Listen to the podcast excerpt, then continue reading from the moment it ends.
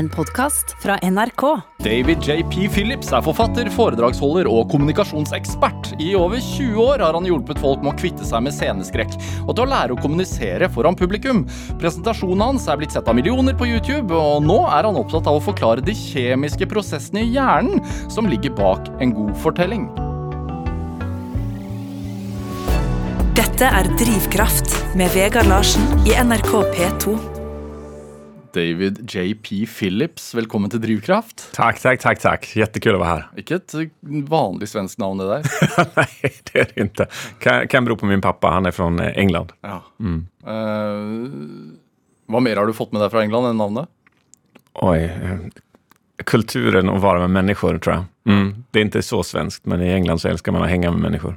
Ja, hva, hva, Det gjør man ikke i Sverige? Inte riktigt i samma omfattning. Nej, nej. nej du vet, den här känslan av att gå ner på puben och, och bara ja, en timme efter jobbet, Ja. ja, varva ner. Härligt. henge med grabberne. Mhm. Mm. Ja, alla som är där. Så, som ehm, kommunikasjonsekspert som du er, og, og når du nå har skrevet en bok som kommer ut i Norge, ehm, og du veit at du skal være en time på radio, Mhm. hvor klar plan har du? Oj, ingen. Nej, absolut inte. Någon. Men eh, jag, tänker, jag är i trygga händer. Jag är i dina händer. Ja, takk, takk. Och eh, om man har jobbat med ett ämne i 20 år, då har man svar. Man, jag tror man har fått nästan alla frågor som kan frågas. Inte alla, men det här kommer bli en utmaning för dig. Nu kommer du sätta mig på plats kanske. Eh, det, jeg, ve- jeg veit at du i- på, på YouTube-kanalen din Ja. ehm, har drevet og analysert eh, måten folk eh, kommuniserer Ja, på, på TV-skjermen eller på, på internett. ja. Hvorfor det?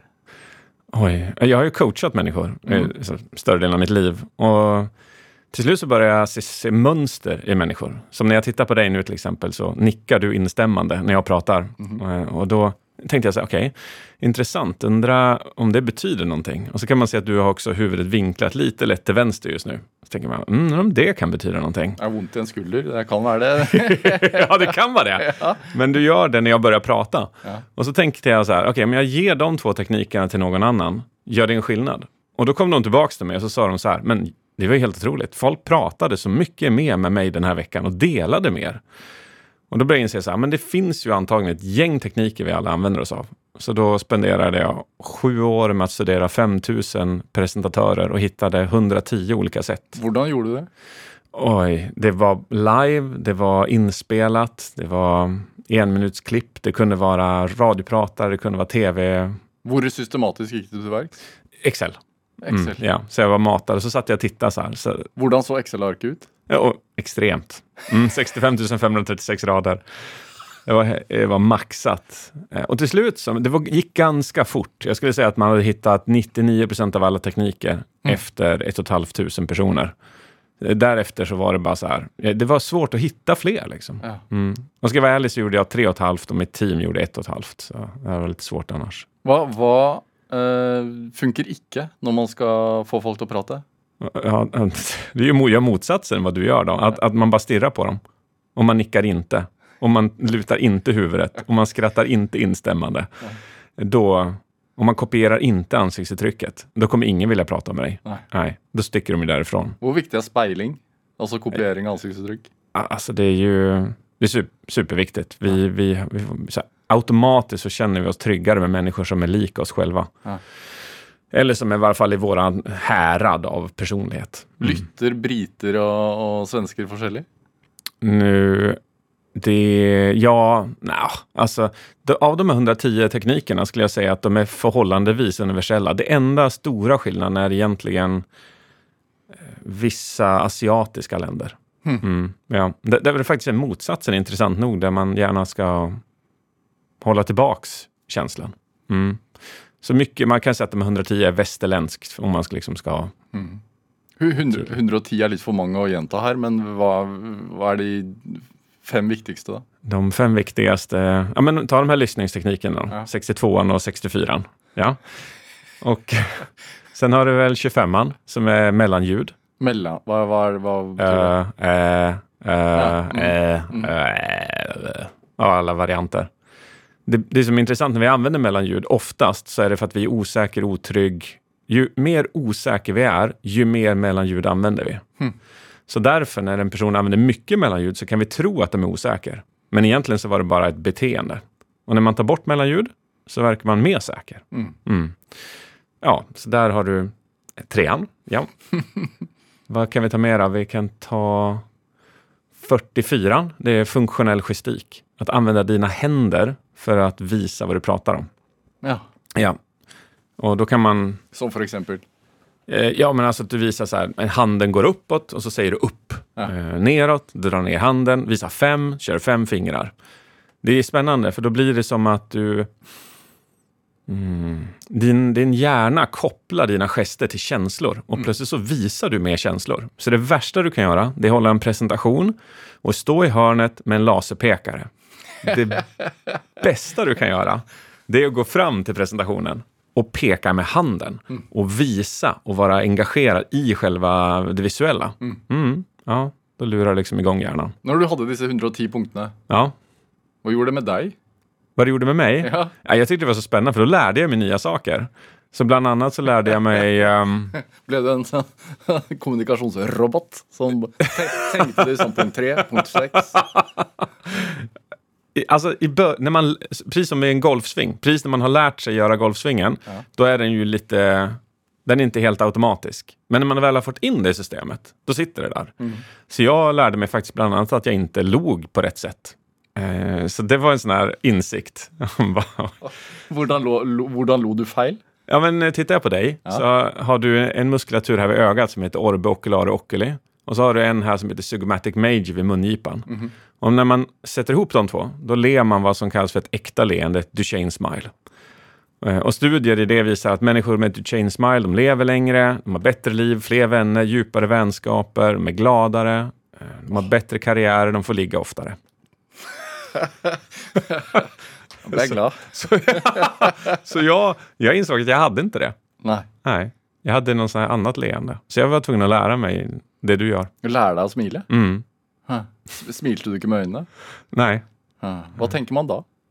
vad man tänker. Ja, Når man ser noen som ikke smiler med øynene, men bare med munnen? Oj. Alltså det känns ju inte... Det är inte smittsamt. Man smittas inte av det. Mm. Du vet, när du kom och mötte mig här ute i soffan och så bara log du med hela ansiktet. Ja, men då ler jag, det, då ler ju jag tillbaka. Men, och, men annars blir det inte så. Men det är ju... Det, anledningen till det, det, det är den här boken. Alltså att jag insåg att jag var deprimerad. Och därför i min depression så hade jag glömt hur man ler. Dette er Drivkraft med Vegard Larsen i NRK P2. Og i dag er eh, forfatter og foredragsholder David J.P. Phillips her hos meg i Drivkraft på NRK P2. Det, eh, du er jo en public speaker. Hva er det? I speak in public. En offentlig prater? Ja, men man, eh, man anlitar mig på konferenser för att eh, lära, skapa energi och kunskap. Mm. Hvor ofte? Ja, Tre gånger i veckan. Ja. Ja. Hva slags konferanser? Eh, oj, världen över. Mm. I, igen, inte så mycket Afrika, Ryssland, Asien. Mm. Men resten, USA, Europa. Då. Ja. Mm. Og, på, og på nett?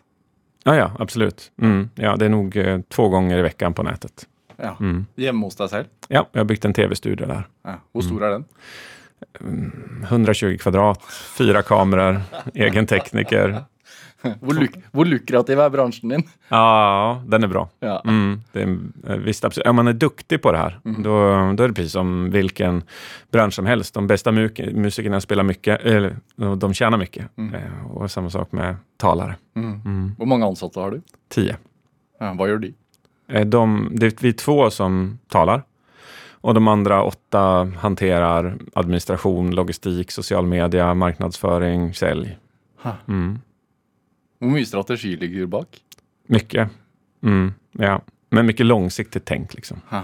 Hva, hva er det Altså, når du blir eh, eh, hyrt inn av et selskap Ja, eh, for å holde en, eh, et foredrag da, for, for deres ansatte, ja. hva kan det handle om? Det populäraste, mitt största TED-talk, The Magical Science of Storytelling, är, är världens mest sedda talk inom storytelling. Mm, TED Talk, hva er det? TED-talk är, det är en organisation som heter TED, som bjuder in talare världen över att få prata om intressanta ämnen grat- gratis. Man ställer upp gratis de får content som kan då användas som undervisning till de som kanske inte har råd. Ja. Mm. Och den, d- din, vad heter den? The Magical Science of Storytelling. Ja. Mm. Vad, vad är den magiska vetenskapen bak historiefortelling? Det är att man kan i en story skapa substanserna. eh, Dopamin, oxytocin, serotonin. Och det är därför som vi känner olika när vi tittar på film och tv-serier. Och det är därför vi överhuvudtaget tittar på tv-serier och film, för vi vill känna. Mm, Det är därför man lyssnar på oss nu. Man vill känna någonting. Eh, och eh, då kan man vara så specifik att jag kan berätta en dopaminstory, jag kan, droppa en, eh, jag kan berätta en oxytocin-story och de känns helt olika. Så den kör jag mest och sen så den andra, det boken handlar om, som är ledarskap, självledarskap, eh, biologiskt. Det är de två vanligaste jag kör nu. Och gen- ditt, i hvert fall sånn jeg vet, var en, eh, et foredrag om powerpoint. Mhm, ja, det är en klassiker. Ja. How to avoid death by PowerPoint. Det var mitt första TED-talk. Ja. Og alle som har jobbet i, eller alle som har hatt en jobb hvor man et- på et kontor, har måttet lage en powerpoint. ja, titta på den snälla. 18 minuter, det förändrar sättet du bygger PowerPoints. Sluta förstöra människors liv med dåliga PowerPoints. Ja. Når var det du lag, Når kom du opp med den? Den var, eh, den är tioårsjubileum i, i år. Ja. Mm. Hvordan kom du fram til at dette her, dette skal jeg prate om? Oj, då hade jag redan undervisat i presentationsteknik och kommunikation i 12 år. Mhm. Och så insåg jag att det som förstörde mest, alltså om du verkligen tänker så här, hur kan jag vara jättedålig som presentatör? Då använder du PowerPoint. Det, det är så lätt att förstöra. Hvor- hvordan ødelegger det? Eh, Man tror att PowerPointen är presentationen. Och sen så ställer man sig som sagt i ett hörn med laserpekare och låter PowerPointen vara presentation. Men du är alltid presentationen. Du, det är dig vi köper. Ditt ansikte, din röst. Du ska ju stå där och vara budskapet. Så jag kan använda PowerPoint för att förstärka det. Men det, det, det missförståndet, det sabbar så mycket. Ja. Mm. Hva er det verste du har sett? Det värsta jag har sett. Det värsta jag har sett. Alltså jag tycker att, eh, jag älskar tyskar, de är superingenjörer och väldigt eh, strukturerade och analytiska. Jag hade en grupp tyskar eh, och de vägrade sluta använda laserpekaren. Så jag behövde tejpa över laserpekaren för att de inte instinktivt skulle trycka på den hela tiden. Det var, ja, det, var det sjukaste. De blev arga över att de behövde sluta använda laserpekare. Ja, det var inte lätt. Nei, hvorfor Hvorfor bruker vi det, da? Jag, jag, alltså I grund och botten så tror jag att det är en rädsla för att göra bort oss. Och så har vi insett att vi kan gömma oss bakom PowerPoint. Ja. Mm. Eh, motsatsen skulle ju vara att vi älskar att stå där. Då skulle vi inte använda PowerPoint. Nei. Nej. Så det et slags, det et slags skjold? Eh, ja, en sån här snuttefilt, eh, skydd, eh, ja, sköld. Mm, det tror jag. Noe, noe interessant med det, det, det, foredraget ditt der, er, er jo at du snakker om mange eh, elementer hjernen klarer å fange opp. Mm, Eh, et sånt magisk nummer, Mhm. eh, eller tall, mm, eh, hvor du viser eh, først en powerpoint med Jeg vet, husker ikke hvor mange eh, ord som står der, ja, med 16 eller noe sånt, mm. eh, kontra da det magiske tallet. Hva, hva er det? Säg 5-6 då. Ja. Mm. Hvorfor er det sånn? det, vårt visuella arbetsminne eh, kan ta in max, det är lite individuellt, men max 5-6 stycken. Så ser vi 5-6, då kan vi se det så här. Klick. Men så fort det är 7, 8, 9 så tar det nästan 200% längre tid att se det. Ja. Mm, för vi måste räkna istället för att se det. Hvor viktig er humor? Superviktigt tror jag. Alltså i rätt eh, kontext. Du, kan, du ska använda humor med, med... Men det är som all kommunikation. Allting bör ju vara funktionellt. Ja, Ja. det, det skulle jag säga. Och humor är spännande för det frigör endorfiner. Ja. Och endorfiner gör att vi blir mer öppna, sociala, vi blir gladare och vi blir mindre kritiska. Och därför, om du i ett föredrag kan få folk att skratta i början, så blir de ju lite mindre kritiska inför resten. Och då liksom vinner du ju över dem lättare. Eh, och kan få dem att köpa in på budskapet bättre och lättare. Og denne boken din, altså 'Seks substanser som vil endre ditt liv', Mm. ehm, som du jo også holder foredrag om Du nevnte det. Hvilke seks er det? Det är dopamin, Ja. oxytocin, serotonin, endorfin, testosteron och kortisol. Ja. Du, och du, du er jo ikke lege eller, eh, Nei. eller eh, forsker. Nej. Hvordan har du kommet fram til dette her? Mm, jag intresserade för, för det för ungefär 15 år sedan. Ja, Hva skjedde da? Alltså jag började studera presentationer och kommunikationer från psykologi, men insåg att det måste finnas ett annat lager. Så började jag titta på neurovetenskap och så insåg jag att det fanns ett till lager och det är biologi. Och sen så insåg jag att det fanns ett till som var genetik. Men genetik gick inte att undervisa i presentationsteknik. Så jag hoppade upp till biologi igen, som är liksom det, det grundläggande lagret av, av att lära sig kommunicera bättre. Mm. Så därför så blev det bara där och då började jag läsa om det. Och sen dess eh, har jag liksom prenumererat på varenda forskningsrapport jag kunde hitta på de här substanserna och applicerat det i min kommunikations och presentationsträning, sälj, ledarskap. Du vet om du har en grupp eh, människor i bol- företag, bolag som är höga på dopamin, då kommer de ju skutta in till jobbet och drivna. Och Det är bara, det är bara naturlig drivkraft, det är dopamin. Ja, hva er dopamin? Dopamin är en, eh, är en eh, säg att det är en, en substans som du har i din hjärna som har många funktioner. Men i det här med drivkraft, och programmet heter det, så handlar det om förväntan av njutning. Att man förväntar sig att det ska, nu blir det bättre. Liksom. Ja. Nu blir det gott. Så när du tänker på en kanelbulle eller choklad, bara du tänker på det, bara du tänker på det, så skapas dopamin. Og, og hvordan bruker man det virkningsfullt i en historie, da?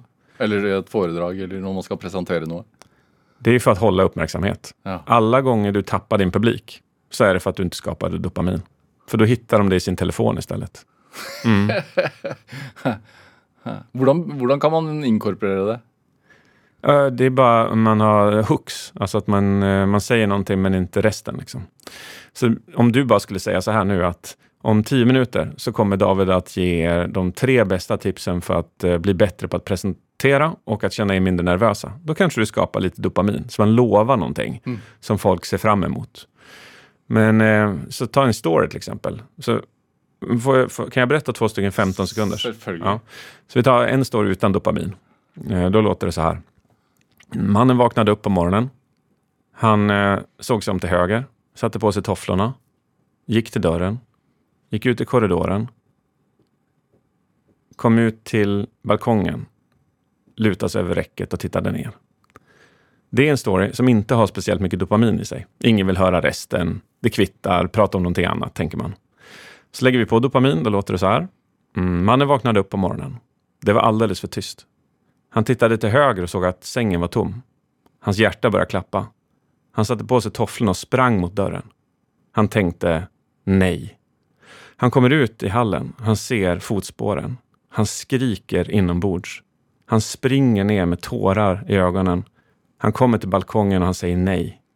Han tittar ut över balkongräcket och i poolen så ser han sin värsta mardröm. Slut. Ja. Eh, och i den andra, då är det dopamin. För då vill, du vill ju veta resten, eller hur? Man vill ju veta nu vad som är i poolen. ja, men det er ikke noe positivt. Nej, kanske inte. Ja, det vet man inte. du kommer aldrig få veta. Men det är, en, det är en sann story. Den berättades av en kompis till mig. Och sättet man då skapar dopamin på är att man, eh, man skapar frågor i människors huvuden. Ja. Mm. Hva med de andre? Eh, oxytocin, Ja. Eh, det är ehm, Det är en substans som får oss att känna oss mänskliga i kontakt med andra. Så när vi kramar våra barn och våra älskade så skapas oxytocin. När man är borta länge från dem så kan man ibland tappa kontakten. Liksom. Det gäller ju att upprätthålla oxytocin, att vara i närheten av människor. Man kan säga att människor som är i närheten av varandra återhämtar sig snabbare från sjukdomar. Eh, De blir inte lika förkylda och inte lika sjuka. Derfor det er sunt å ha en katt. Det är bra. Katt, hund, häst. Så tar vi samma story då. Och så berättar den igen, fast med oxytocin på. Så låter det så här. Mannen vaknade upp på morgonen. Det var alldeles för tyst. Han tittade till höger och så såg han att sängen var tom. Vart var hans son? Adam, fyra år. Han var inte där. Han satte på sig tofflorna, sprang mot dörren, såg de våta fotspåren gå. Han sa nej, men jag sa ju åt dem inte hoppa i poolen. Jag sa ju åt honom. Springer ner längs korridoren, kommer till balkongen, räcker sig över räcket Och där ser han sin värsta mardröm. Och det här var min kompis som ringde till mig när han befann sig på sjukhuset och han sa hur han tittade ner i poolen och såg sin son flyta upp och ner. Mm. Och han hoppade över räcket, bröt benet, kastade sig ner i poolen, drog upp honom. Eh, och idag så är, är Adam bra. Han är åt, återställd några år senare. Men det var det värsta han någonsin varit med om. Mm. Den här storyn har mer oxytocin i sig eftersom det nu handlar om någonting som vi kan relatera till. Mm. Eh, och det är barn. Mm. Så då, ja exakt. Så på olika sätt då kan man skapa stories. Men det som är spännande tycker jag, det är att de stories när vi berättar för oss själva i vårt eget huvud skapar samma substanser. Så om du i ditt huvud tänker så här, gud vad spännande det ska bli imorgon. Åh, vad jag ser fram emot nästa vecka. Åh, det ska bli så roligt när gästen kommer. Då skapar du dopamin. Mm. Men säger du så här, nej usch, det här vill jag inte göra. Gud vad tråkigt det här är. Åh, jag orkar inte längre. Så skapar du sannolikt kortisol istället, vilket är stress. Mm. Och det syns på ditt ansikte, det känns i din kropp, det hörs i hur du pratar. Tror du man kan lura sig själv? Absolut. Har du gjort det? Det gör vi hela tiden. Ja. Ja. Vi lurar oss själva genom att vi tror på de storiesna vi berättar för oss själva. De behöver inte vara sanna. Liksom. Nej.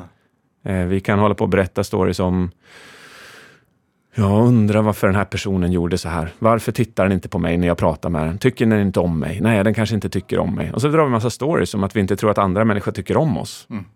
Och vi har ingen aning, för vi frågar ju aldrig. Men frågar vi så kanske de bara sa så här, nu vet du vad, jag hade inte sovit bra i natt om jag och min eh, käresta hade grälat. Det, det var därför. Mm. Jaha. Så vi går runt och berättar massa stories för oss själva som inte är bra. Kan vi snu, eh, tänker du att man kan snu st- stresstankegang till en, en dopamintankegång? Ja, absolut. Mm. En jättespännande exempel på det är för er som har barn och så har man barnet framför sig och så börjar man, man är trött, det är sent, vill inte sova, man blir frustrerad. Gör man bara ett enda ta- tankeexperiment och det är så här. Tänk att du är 85. Du är på ett äldredomshem. Du har inte sett dina barn på länge. Du är ensam. Och så tänker du bara så här. Om jag hade en knapp och åka tillbaks till det här tillfället. Till den här kvällen. Om jag bara kunde få ta en tidsmaskin och åka tillbaka. Skulle du göra det då? Och varje gång man tänker den tanken så tänker man absolut. Det, och så blir man tacksam för att barnen är där. Att de, eh, även fast de skriker så är man tacksam för att de finns. Så bara tankeexperiment på det sättet gör att man kan förflytta sitt perspektiv från stress, kortisol till dopamin. Vad tänker du då när du vaknar om morgonen? Mm, oj, väldigt olika, men jag brukar inleda med att jag, tycker, jag älskar att vara tacksam för det som hände igår. Mm. Så jag brukar ligga kvar och bara tänka så här. Gud vilken kul intervju vi hade. Va? Vad roligt det var att sitta här. Vad härligt det var i Norge. Vad Oslo är vackert. Mm. Och vad mycket människor var ute igår. Klockan åtta. Jag käkade italiensk glass som var helt fantastisk. Så går jag igenom dagen på det sättet. Ja, det ger mig en bra start. Mm. Vad dig stress då? Mm, jag skulle säga att det som ger mig stress i livet är... Men jag tror ovisshet tycker jag fortfarande är svårt för mig. Ja. Mm. Jag inte veta vad som händer. Jag tycker om att veta vad som händer. Mm. Behov för kontroll? Lite åt det hållet, ja. ja. Ja. ja. Jag tror jag har en sån personlighet som är väldigt svår att ändra på. Jag har dämpat det. Förr var det mycket värre. Nu kan jag leva med det på ett helt annat sätt. Hur var det förr då? Oj, då kunde jag... ja, Då, tror jag, då, då var jag verkligen så här. Jag kunde berätta stories i mitt huvud som var hundra gånger värre hela tiden än vad det egentligen var. Ja. Att jag oroade mig för det som skulle komma. Men 99 procent av allt vi oroar oss för händer aldrig. Liksom. Ja. Er det altså eh, Det er en slags uh, selvhjelpsbok. Ja. Eh, har den vært nødvendig for deg? Ja, Altså er det et produkt av et eget behov? Eh, ja, uteslutande. Det här var inte det ämnet som jag har gjort resten, liksom mitt liv. Så här. Men för sju år sedan så insåg jag att jag var deprimerad. Mm. Och att jag hade varit deprimerad nästan hela mitt vuxna liv. Eh, säkert 15, 17 år, någonting sånt. Mm. Och så um, när jag insåg det så jobbade jag för att knäcka min egen depression med hjälp av den kunskapen jag hade om de här substanserna, om hjärnan och så. Och det lyckades jag med, det tog ett och ett halvt år. Och sen så började jag coacha i det. Eh, liksom, för jag coachade redan, men jag använde den kunskapen jag hade fått till att coacha andra. Då hjälpte det dem. vid ett tillfälle så var min son mådde inte så bra och hans kompis mådde inte så bra och de hade en deprimerad kompis och under några månader så, vi har en stor kursgård i Sverige, så bodde de där. Mm. De var alla så här 19 En, ungefär. en kursgård, alltså ett ställe där du har kurs? Ja, exakt. Ja. Mm. Och då hjälpte jag dem bryta igenom deras nedstämdhet och depression eh, med de här verktygen. Och sen insåg jag, herregud, det här måste jag nog skriva en bok om. Mm. Och då blev det, men boken är inte till för uteslutande människor som mår dåligt, den är till för alla som vill må bättre eh, och som tror. Jag ska säga så här, det är intressant när man tänker sig, hur bra mår du? Mm. Alltså på en 0 till 10 liksom. Eh, och så kanske någon säger, ja men en sjua. Ja, men hur vet du att tian är max? För det som var spännande för mig, det var att första året mådde jag fantastiskt efter jag bröt min depression. Men sen varje år efter det så har jag bara mått ännu bättre. Jag har passerat det jag trodde var en tia. Och liksom, nu är vi på 15, så att den här skalan uppåt har liksom justerats. Mm. Ungefär som att man sätter på sig glasögon första gången, fast man trodde inte att man hade synfel. Liksom. Mm. Och så hade man synfel och så ser man allting jätteklart. Hvorfor tror du at folk er så på utkikk etter eh, noen som kan ha svarene? Ja. Alltså ett, så tror jag vi alla vill utvecklas. eh, Oavsett om man vill eller liksom tror det eller inte. Två, så tror jag vårt samhälle har skapat förutsättningar för att vi inte ska så må så bra. Alltså det har aldrig varit svårare att leva nu eh, för våran hjärna än någon gång i historien. Det är så mycket lockelser. Det är så mycket impulser. Det är så mycket jämförelse. Det är så mycket krav. Man liksom spolar tillbaka 40 000 år tillbaka. Liksom, oron då kanske var så här att får vi ihop mat för dagen? Eh, men nu är det mera, ser jag ut som de där? Har jag uppnått samma sak? Kommer min pension att räcka? Eh, vi går in och ska handla mat och vi blir lockade av massa saker som ger dopamin och socker. Vi tittar på social media och jämför oss med andra. Det är, det är svårt att leva och därför så vill man hitta lösningar på det. Mm. David, eh, vi skal spille litt musikk. Ja! Du har med en eh, låt av en annen eh, svenske. Ja, eh, Avicii. ja. eh, The Nights. Hvorfor Mm. Den, alltså den låten påminner mig om att välja livet, att, att vi- vilja leva. Mm. Nu gjorde ju inte Avicii det, vilket jag tror är ännu starkare symboliskt för mig. Att eh, jag tycker det är så onödigt och så tragiskt att inte han fick hjälp. Mm. Once upon a younger year, when all our shadows disappeared, the animals inside came out to play. Went face to face with all our fears, learned our lessons through the tears, made memories we knew would never fade. One day, my father, he told me, son, don't let it slip away. He took me in his arms, I heard him say, When you get older, your wild heart will live for younger days. Think of me if ever said, One day you'll leave this world behind, so live a life you will remember. My father told me when I was just a child, these are the nights that never die. My father told me.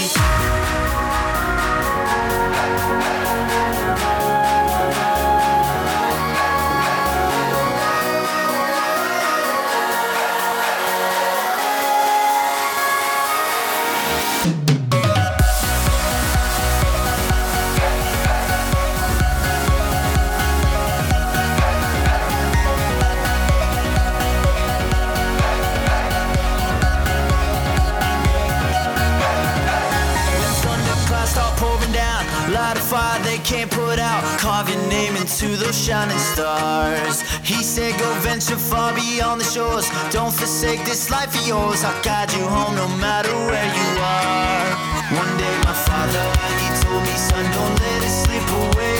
When I was just a kid, I heard him say, When you get older, your wild heart will live for younger days. Think of me if ever you're afraid. He said one day you'll leave this world behind, live a life you will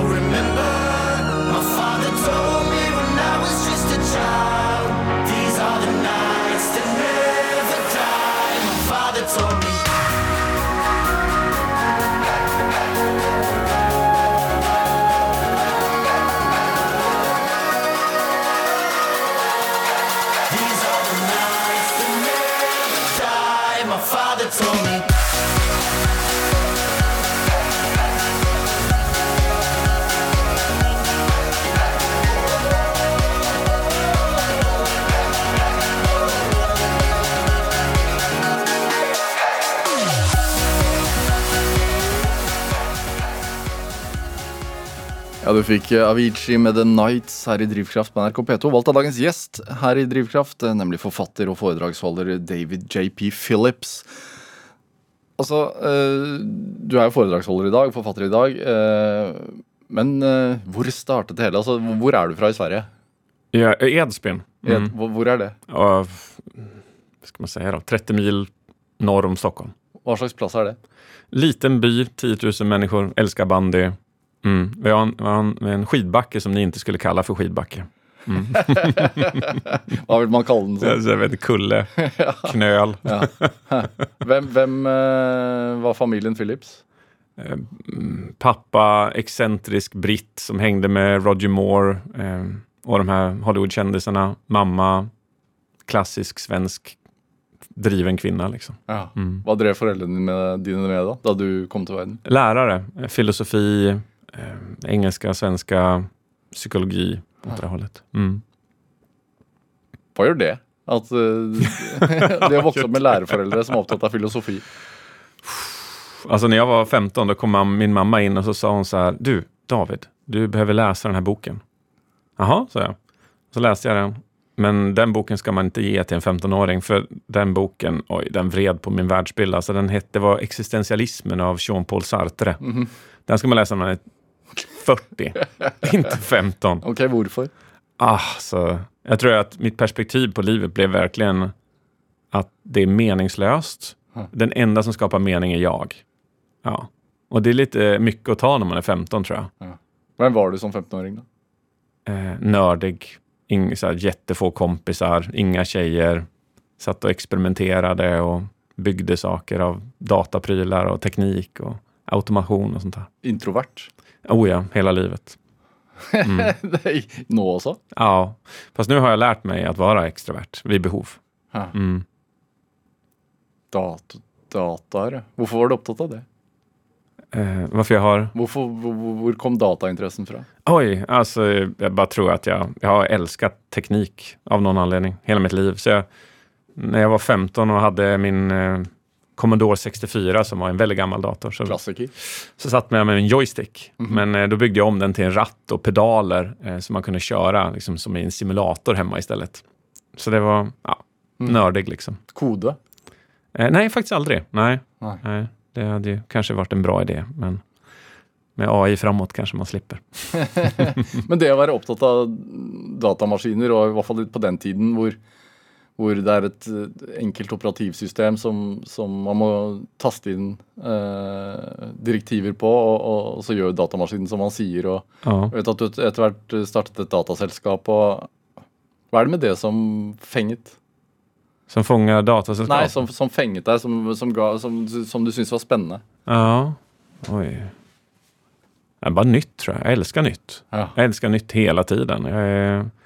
När Starlink kom via SpaceX så man kunde få internet via, via rymden. Ja. Det behövde inte jag för jag hade ju redan internet, jag hade redan fiber. Men då, jag behövde köpa en sån för Ja. att vi skulle få ner, testa att få radio via, eller via internet via rymden. Ja. Så jag bara älskar nytt, alltid älskar nytt och alltid i framkant, utveckling. Hvilke mål hadde du? Då, Ja. Oj, jätteytliga mål. När jag var 15. Jaha. Ja, jag skulle, jag skulle, först skulle jag jobba på Julia Roberts lustjakt eh, som eh, elektriker. Det var liksom märkligt. Sen skulle jag vara miljonär när jag var 25. Äga, köpa min första Porsche när jag var 26 och flytta till Medelhavet när jag var 28. Huh. Ja, pensionera mig när jag var 40. Jag kommer ihåg, det var tydliga mål. Mm, jätteytliga. Hvorfor det, tror du? Eh, Jag, vet inte, jag tror bara att man... Jag tror det är ganska vanligt att man har sådana mål, för man tror att samhället vill att man ska ha sådana mål. De vill att man ska ha prestationsorienterade mål i livet. Liksom. Eh, Så att jag var nog bara smittat av samhällets ideologi. Ja. Mm. Hva gjorde du for å nå de, da? Jobbade jättehårt. Ja. Med, med hva? Eh, Jag, eh, mitt, mitt första jobb var som Microsoft-tekniker. Så jag jobbade med support. Så, en sånn man ringer, eller? Ja, Ja. ja. man ringer mig och så bara, ja, min dator funkar inte. Då löste jag det. Sen... eh, Ta, ta, har du reboota den? Er det Ja, det var klassikern. Ja. Har du startat om? Herregud, vet, jag hade en, eh, en som ringde in och så bara, du, du får stäng, stäng fönstret.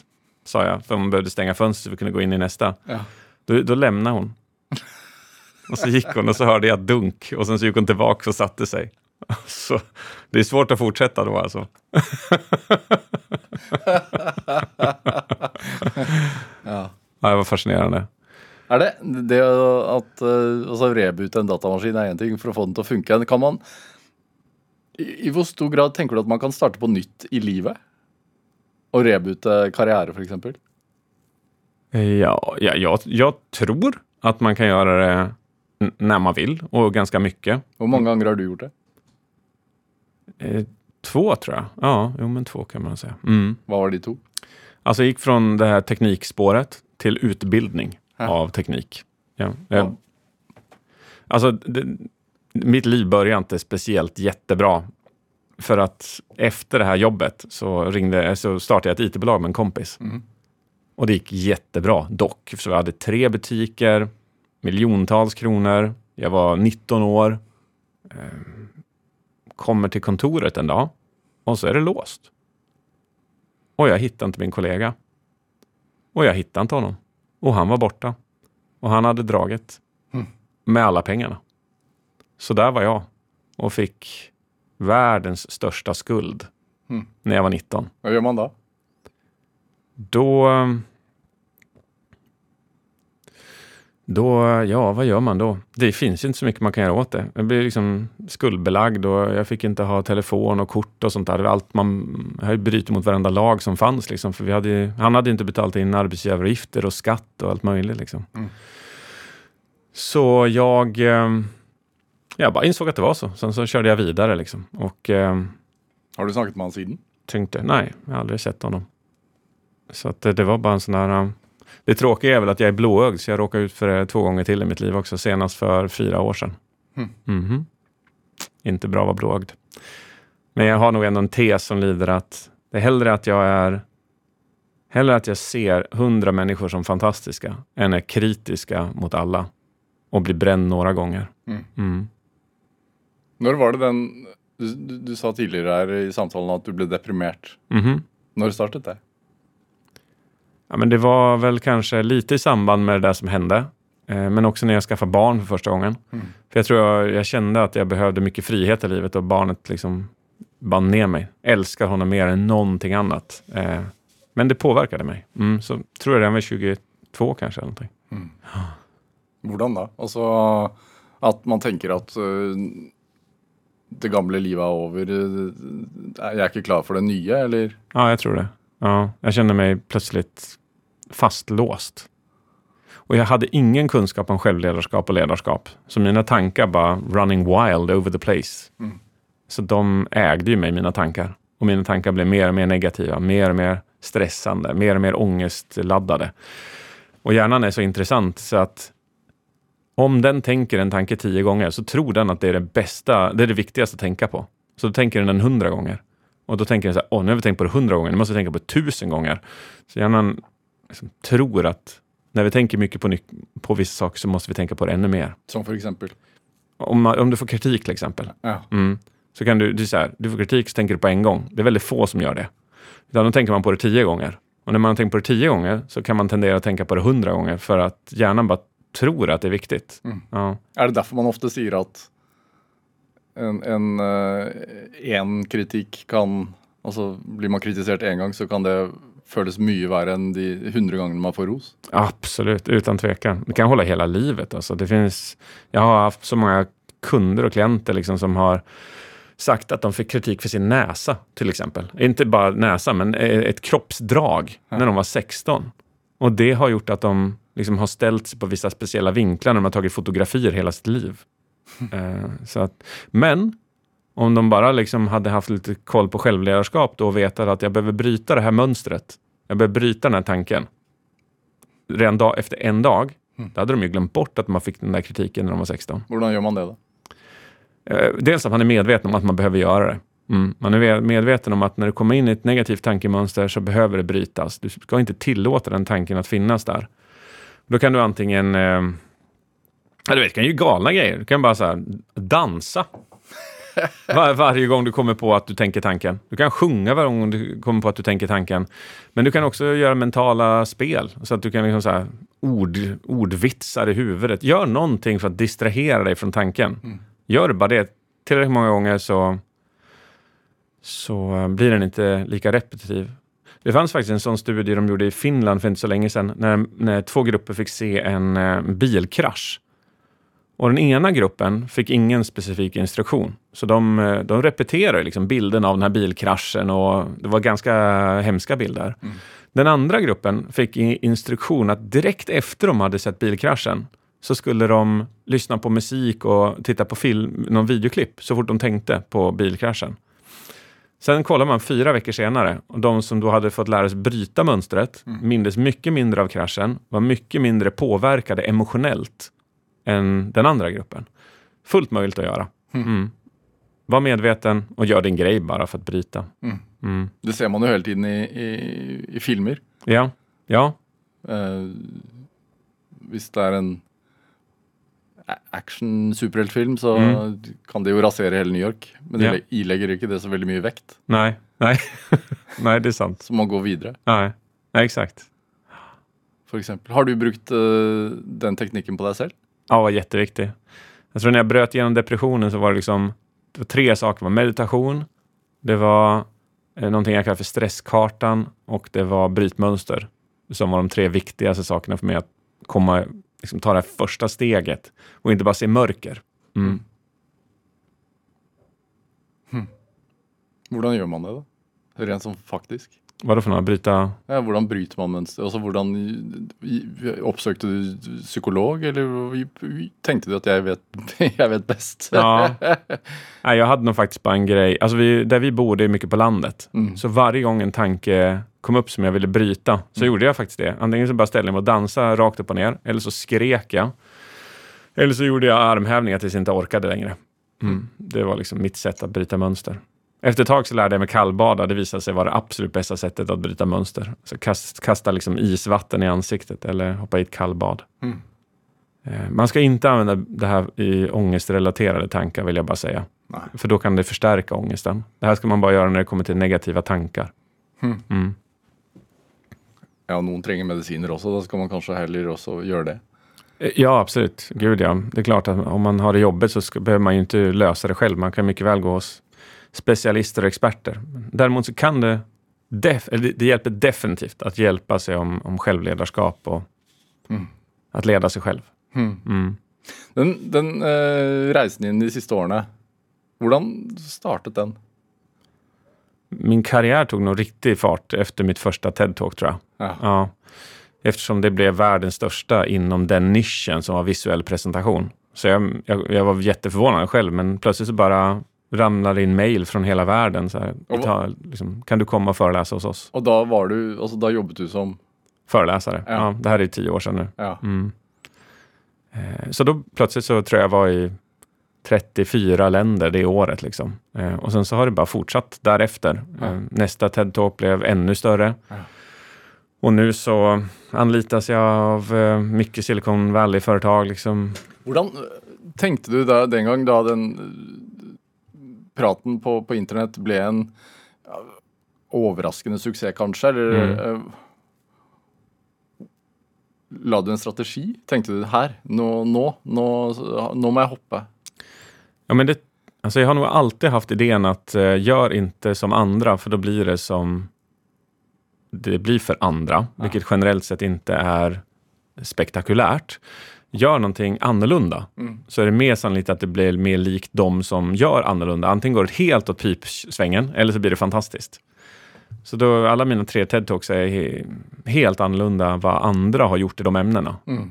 Och, och boken lika så. Eh, det blev ju Sveriges mest säljande bok i julhandeln efter Guinness rekordbok.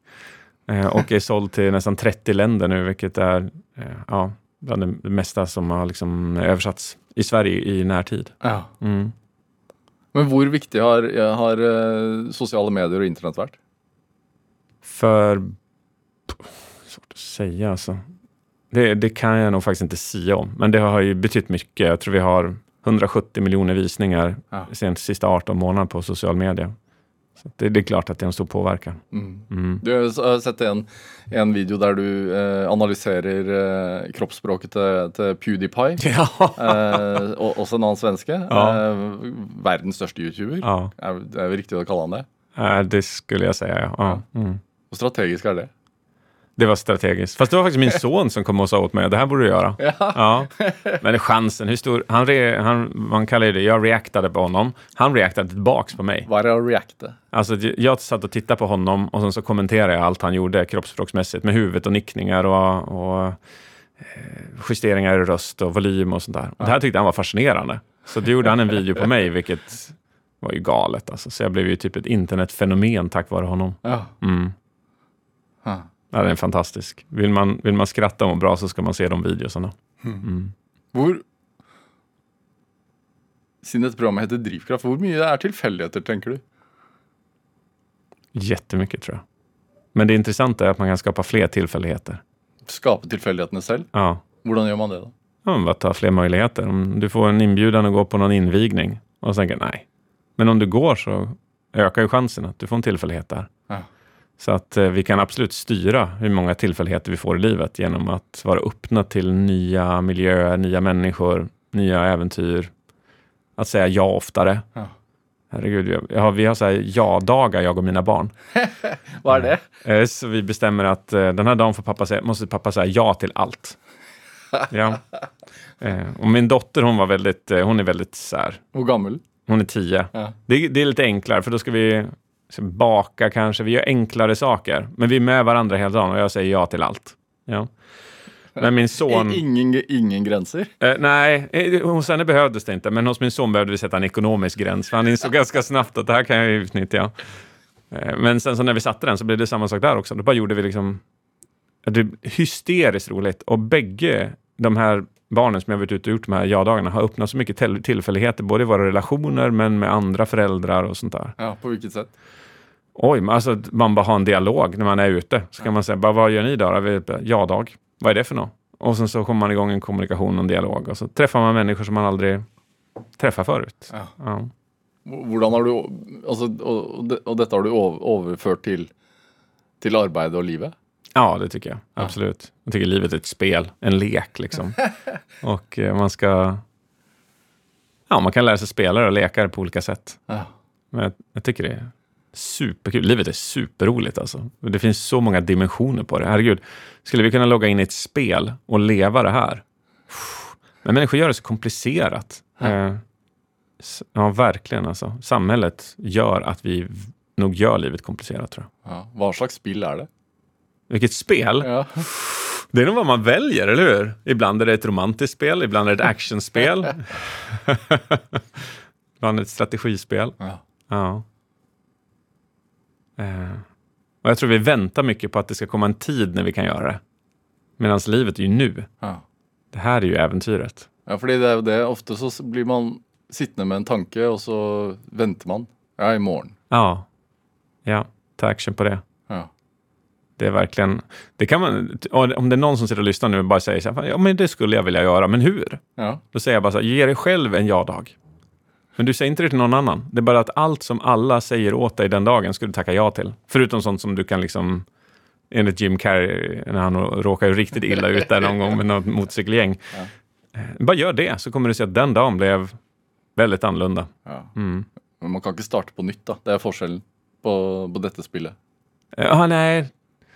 Nej, alltså. Det beror på hur man ser på det. I livet kan ju, nej, dör man, då är det lite svårt. I varje fall vad vi vet. Men det kanske är ett spel. Det kanske är ett liv. Och så får vi ett nytt liv nästa gång. Ja. Ja. Det eh, det med å endre em, følelser? Det å, Ja. å endre føl det, tankemønster Ja. og, og hvordan man eh, ser på ting. Mm. For mange så høres det veldig vanskelig ut. Ja, det kan man tänka sig att det kan vara, ja. Ja. Er det det, Nej, syns du? nej det tycker jag inte. Nej, det finns ett jätteintressant tankeexperiment man kan göra. Där man eh, bara tittar sig runt i rummet i tio sekunder och så säger man, vad är det för fel på det där? Vad är det för fel på det där? Vad är det för fel på det där? Vad är det för fel på det där? Som for eksempel. Vad som helst. Om du tittar här liksom. Kolla här i tio sekunder, vad är det för fel på det där? Det är en snedskruv, den borde inte synas. borde vara en list där uppe. så letar du fel överallt. Och sen så tar det tio sekunder till att säga så här, vad är det som är fantastiskt med det här? Och så ser jag dig, du är fantastisk. Och så ser jag det här bakgrunden som rör sig, det är fantastiskt. Och färgen grön, fantastiskt. Och då har det liksom inom tio sekunder skiftat från negativt till positivt. Alla kan ju testa det när ni är klara och har lyssnat. Mm. Du kommer omedelbart att känna, wow, jag kan liksom justera min känsla på ja, 20 sekunder. Hvis man mister jobben, da, hva skal man gjøre da? Da, da tenker man jo ti negative ting. Ja, det är klart. Alltså, det är klart att man ska sörja, det är klart att det ska vara jobbigt. Jag skulle säga absolut inte att det inte ska vara det. Men däremot så om man fastnar i tanken av att det här är skit, det är jobbigt, det är orättvist, det är då det är illa. Ja. Utan då istället säga att eh, någonstans landa i att jag är tacksam för att jag hade det här jobbet. Jag är tacksam för att jag lärde mig de här sakerna. Eh, det intressanta är att livet, människor tror ofta att livet tar slut när sådana här saker händer. Liksom. Nu, nej, vad ska jag göra nu då? Nu, är det liksom, nu har vi skilt oss, nu är det här. Men det spännande med livet är att det bara bjuder på nästa kapitel. Om du bjuder in till det. Mm. Mm. Er det Hva har det gjort med deg, tror du? Altså, den oppmerksomheten du har fått. Som det har gjort med mig? Ja. Mm, alltså, jag tror inte så mycket. Jag är nog väldigt, eller jag är nästan exakt samma sak som jag, person som jag var förut. Det får jag höra i varje fall. Jag, eh, däremot kan jag känna så här, ibland så har man pikar utav popularitet. Mhm. Ja, om du kan känna igen det. Men ibland så bara så skriver folk om dig och det är positivt och du är överallt och på topplistor och sånt där. Och sen så är du inte det. Och då, det, kan, eh, det är lite jobbigt tycker jag. För att eh, då blir man liksom van. Det är serotonin har en substans som heter som är kopplad till social status. Mhm. Och plötsligt känner du liksom så stor och häftig liksom och cool och sen så plötsligt försvinner det bara veckan efter. Och det blir som en eh, jättejobbig berg och dalbana. Mm. Eh, och jag, liksom, jag har vissa här, elitidrottsmän och kvinnor som avslutar sina karriärer. Mm. Och då går de från att vara sådana som eh, de hyllas överallt till att inte. Mm. Och då går deras serotonin från att vara jättehögt till lågt.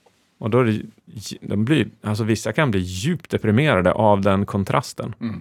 Mm. Eller for eksempel at altså hvis man tar det til et eh, litt lavere nivå, altså at eh, i går fikk jeg 50 likes Ja, på sosiale medier, ja. og i dag fikk jeg bare 10. Eh, Exakt, där har du det. Ja. Det är ungefär som att du skulle gå runt på gatan och sen så eh, en dag så är det ingen som vinkar åt dig.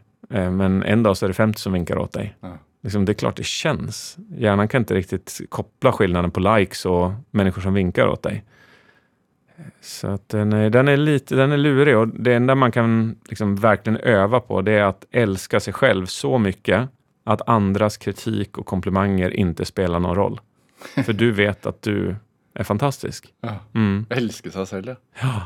Ju mindre man älskar sig själv, ju mer beroende är man av andra människors uppmärksamhet och komplimanger. Ja. Men då även kritik. Måtte du lære det for å smile med øynene? Och älska mig själv? Ja. Nej, det tror jag inte hängde ihop faktiskt. Eh, nej, det gjorde det nog inte. Utan smila med ögonen, det fick jag nog bara så här, det var en sak jag behövde lära mig och komma ihåg att jag gjorde när jag var liten. du, du, fastnat i det där Duchenne smile. Ja. Huh. Jag tror på riktigt, man kan lära sig så ofantligt mycket. Ja. Mm. Och man kommunicerar med andra också själv. Hvordan se- er det Ser du deg selv i speilet på morgenen og elsker deg selv? Er det, har, man mekan har man noen triks? Alltså om jag hade min kamera här så skulle jag kunna visa dig faktiskt. I morse stod jag i duschen och så gör jag det jag brukar göra. Så jag ritar ett hjärta och så skriver jag mitt namn i det. Ja. Det, det kan låta skumt, ja. men eh, jag rekommenderar alla som lyssnar att testa. ja. Och om det känns obekvämt så är det bara allt som känns obekvämt ska man ha, man, kan man se möjligheten i att träna i oftare. Eh, Jag, mår, eh, jag mår fantastiskt av att ge mig själv självkärlek. Man gör det alldeles för sällan, i varje fall jag. ja. Ja, och gjorde det. Nu för tiden så gör jag det mer. Men innrømmer man feil da? da? Kan man ta andres innspill Andras inspel på... på hvem man er som person?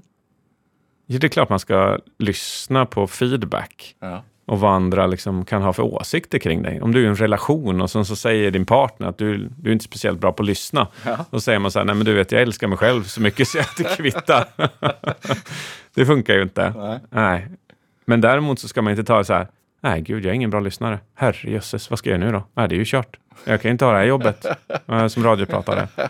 Hva skal man gjøre da? Ja, nej, då ska man ju snarare tänka så här, ja tack, det, jag uppskattar det och jag ska eh, anstränga mig för att göra det mer bara. Liksom. Mm. Utveckla det istället för att se det som ett evigt problem som plötsligt uppstod. Mm. David eh, JP Phillips, vad, vad tänker du är drivkraften din uppe i det hela? I min, Ja alltså jag har spårat ner det till att jag var, jag tror jag var 13 och jag var på väg från parken i Edsbyn och så cyklar en kille förbi mig som är lite handikappad. Och han kommer kanske 100 meter framför mig och så blir han anfallen av tre killar i 15-årsåldern som börjar sparka på honom i huvudet och i kroppen. Och jag bara tänder. Och jag är 13 och de är tre 15-åriga killar liksom. Men jag bara springer fram som ett... Som att jag har liksom be, blivit besatt. Vilket skrämde livet ur dem. Och de sprang. Eh, Ända sedan den dagen så har jag liksom... Jag var alltid bästa kompis med de som var mest utsatta i skolan. Och jag, min drivkraft kommer från orättvisa. Jag tycker att det är orättvist att Avicii inte fick rätt förutsättningar för att vara här idag. Jag tycker det är orättvist att vissa inte får förutsättningar att lära sig kommunikation så de har bättre relationer med sina barn och med sin partner. Eh, Jag tycker det är orättvist. David eh, JP Phillips, tusen tack för att du kom till Drivkraft. Tack så jättemycket. Härligt att vara här. Hør eh, flere samtaler i Drivkraft på nrk.no eller i appen NRK Radio. Produsent og researcher i dag, det var Olav Tessem Widsvang. Dette var Drivkraft. Jeg heter Vega Larsen. Vi høres. Du har hørt en podkast fra NRK. Hør flere podkaster og din NRK-kanal i appen NRK Radio.